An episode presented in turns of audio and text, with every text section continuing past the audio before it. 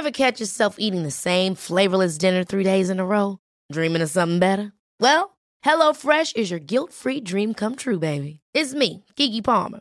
Let's wake up those taste buds with hot, juicy pecan-crusted chicken or garlic butter shrimp scampi. Mm. Hello Fresh. Stop dreaming of all the delicious possibilities and dig in at HelloFresh.com. Let's get this dinner party started.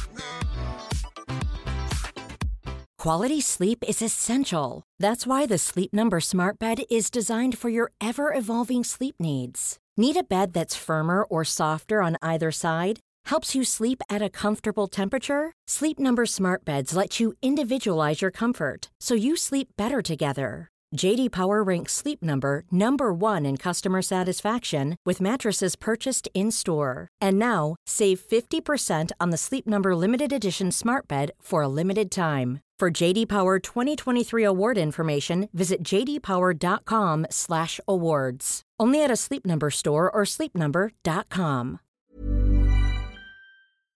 Da kan jeg rapportere at jeg er ferdig med å lese månedens bok. Eh, det vet jo dere, at det er Clockwork Orange av Anthony Burgess. Jeg ble ferdig for et par dager siden. Og som, dere, som jeg fortalte dere her tidligere, så er jo dette en bok jeg har eh, prøvd meg på før. Men av ja, utålmodighet, og spesielt ungdommelig utålmodighet, så ga jeg opp pga. språket. Og nå eh, kan jeg jo si at jeg har beseiret eh, denne boken fra min fortid. Det gikk veldig greit, altså. Eh, jeg, jeg, blir litt sånn matt av meg sjøl av at liksom Jeg tålte såpass lite motstand før at jeg ga opp, fordi at det her gikk helt greit. Eh, det er jo en kort bok. Jeg syns det er deilig at ting er kort av og til. Eh, delt inn i tre deler eh, og 21 kapitler. Viktig kommer tilbake til det om litt, hvorfor det er viktig. Um, det her er såpass overkommelig altså, at det, liksom, det, krevde veldig lite av meg uh, å komme gjennom. Uh, og jeg syns at uh, jeg blir litt sånn, En annen ting som gjør at jeg blir litt matt av meg sjøl, det er at um, hadde jeg kommet igjennom denne her som ung, som yngre enn nå Altså Jeg ga ikke opp i fortiden når jeg prøvde meg på boken. Så hadde jeg nok fått veldig mye ut av den.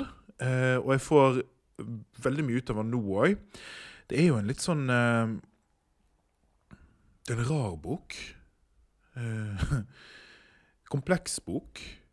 Fordi historien er jo at vi møter Alex, som lever en eller annen gang i en fjern fortid, i et slags dystopisk London.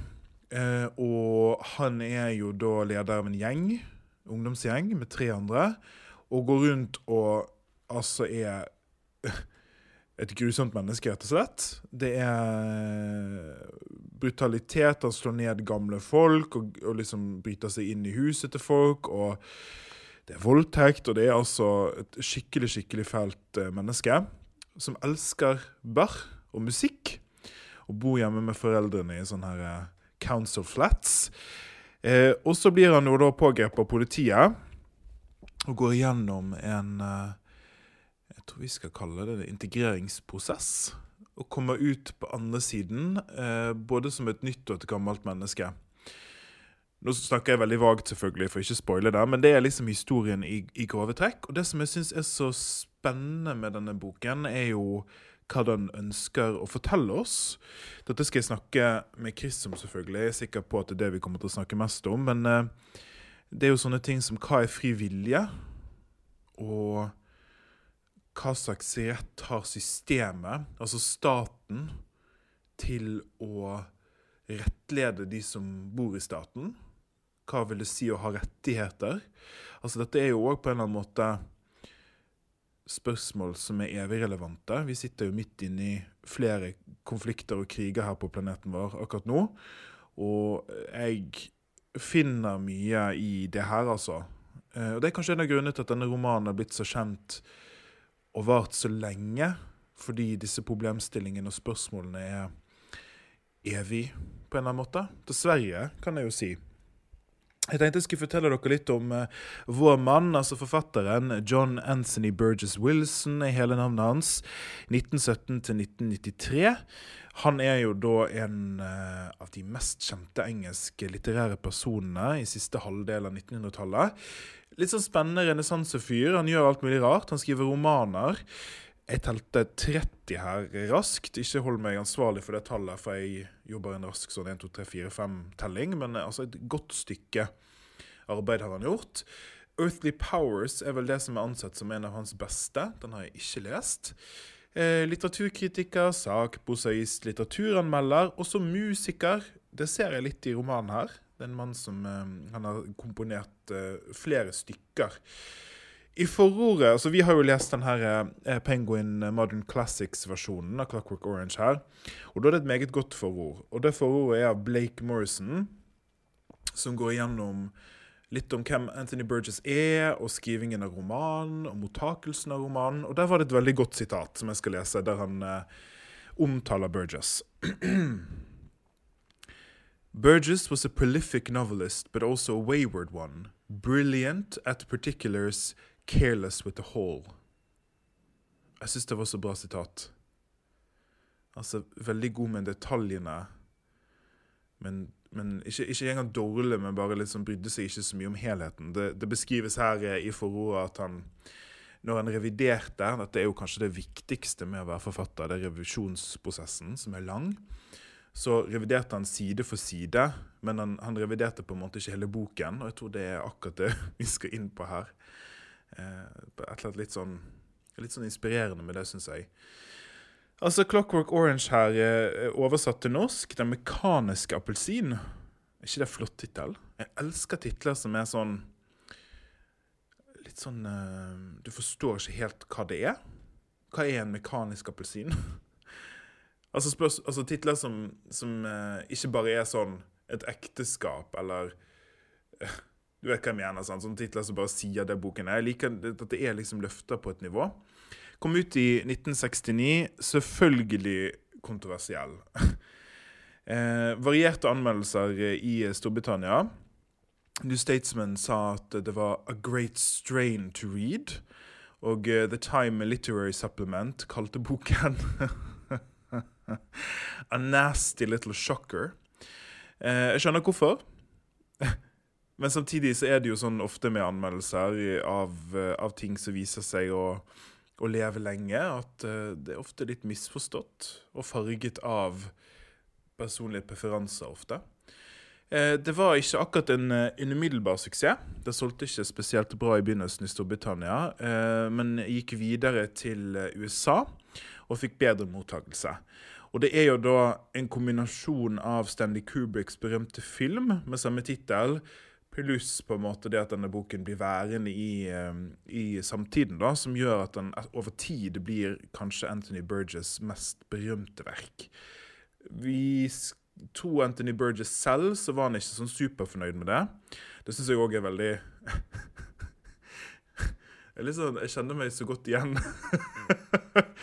altså, det som jeg prøver å si, det er at eh, når du gjør mange ting, da, når du gjør mange forskjellige ting, så um, og det gjør jo jeg òg, på en måte. Jeg gjør jo masse rart.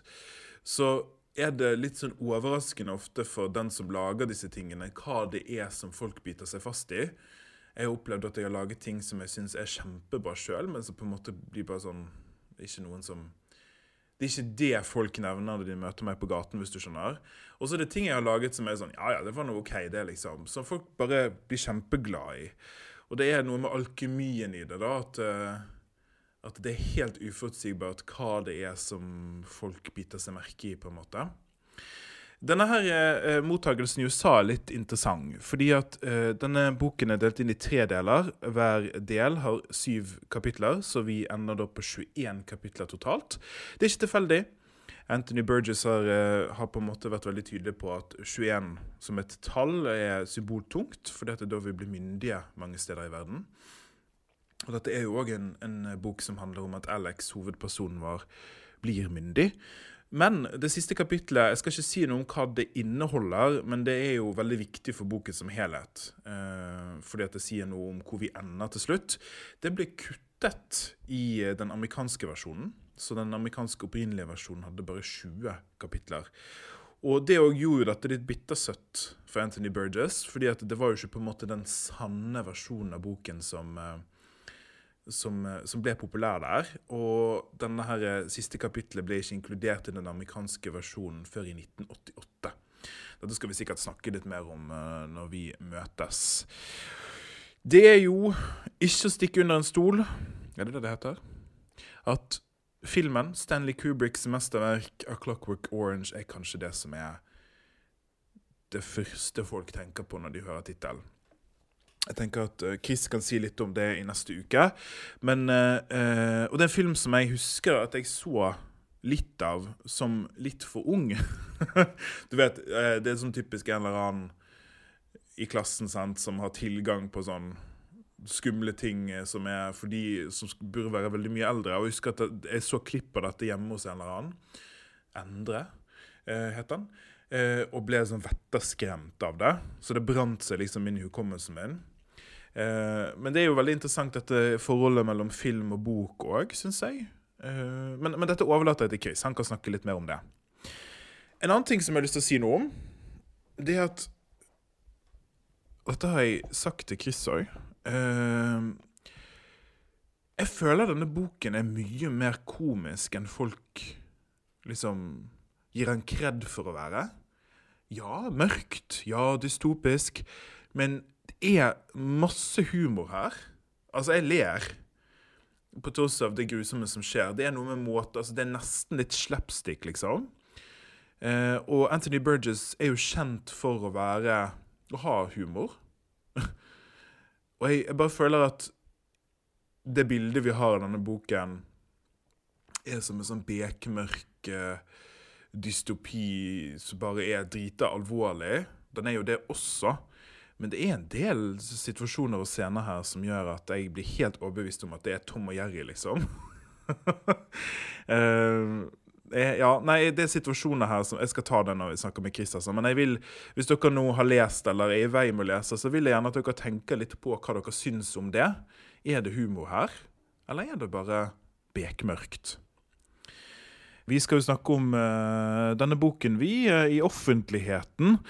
Nå på torsdag, altså den 26. Eh, oktober, så er vi på Deichman Romsås. Eh, og det er et åpent og gratis arrangement, så vi håper at eh, du har lyst til å komme hvis du er i nabolaget.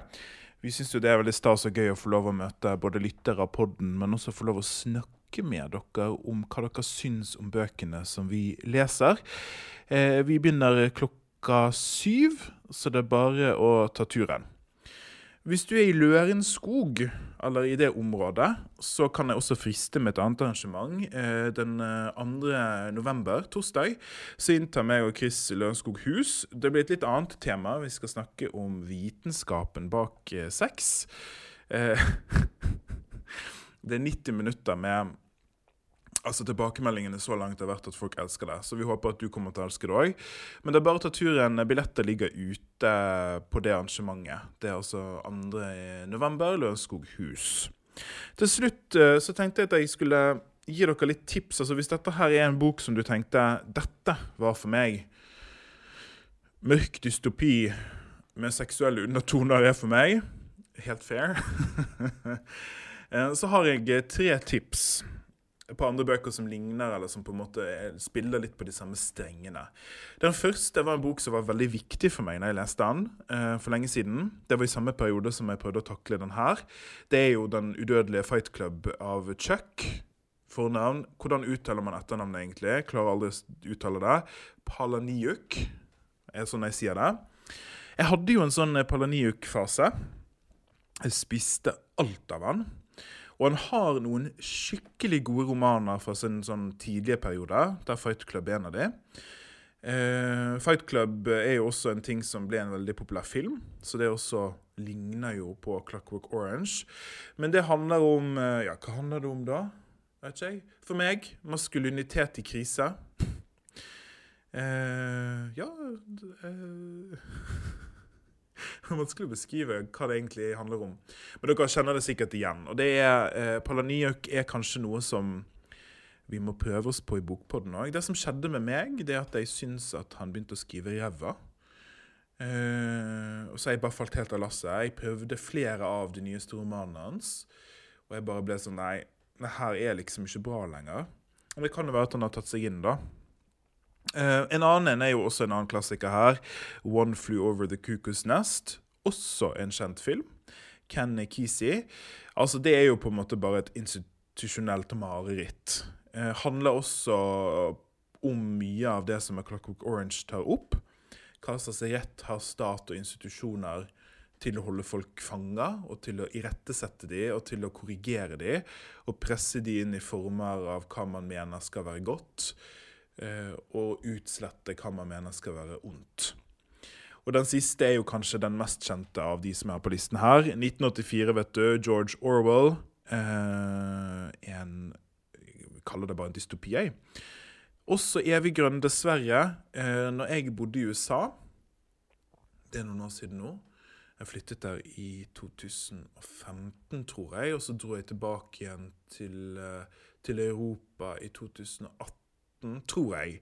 Og det var jo en veldig spennende tid å bo i USA, for det var jo under uh, valget, uh, der Trump er valgt. Skal ikke snakke så mye om det, men da husker jeg veldig godt at denne boken, 1984, George Orwell, fikk en sånn enorm surge i popularitet og solgte dritmasse.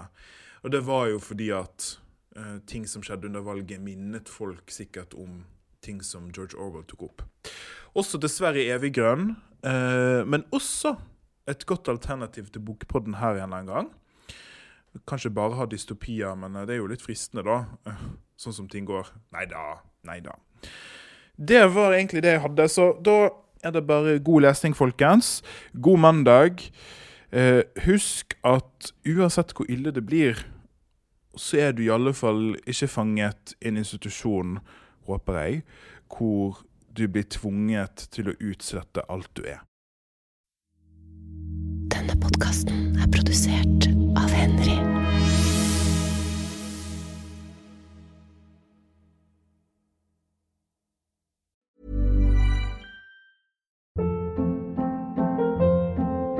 Hold up. What was that? Boring. No flavor. That was as bad as those leftovers you ate all week. Kiki Palmer here, and it's time to say hello to something fresh and guilt-free. Hello Fresh. Jazz up dinner with pecan-crusted chicken or garlic butter shrimp scampi. Now that's music to my mouth. Hello Fresh. Let's get this dinner party started. Discover all the delicious possibilities at hellofresh.com.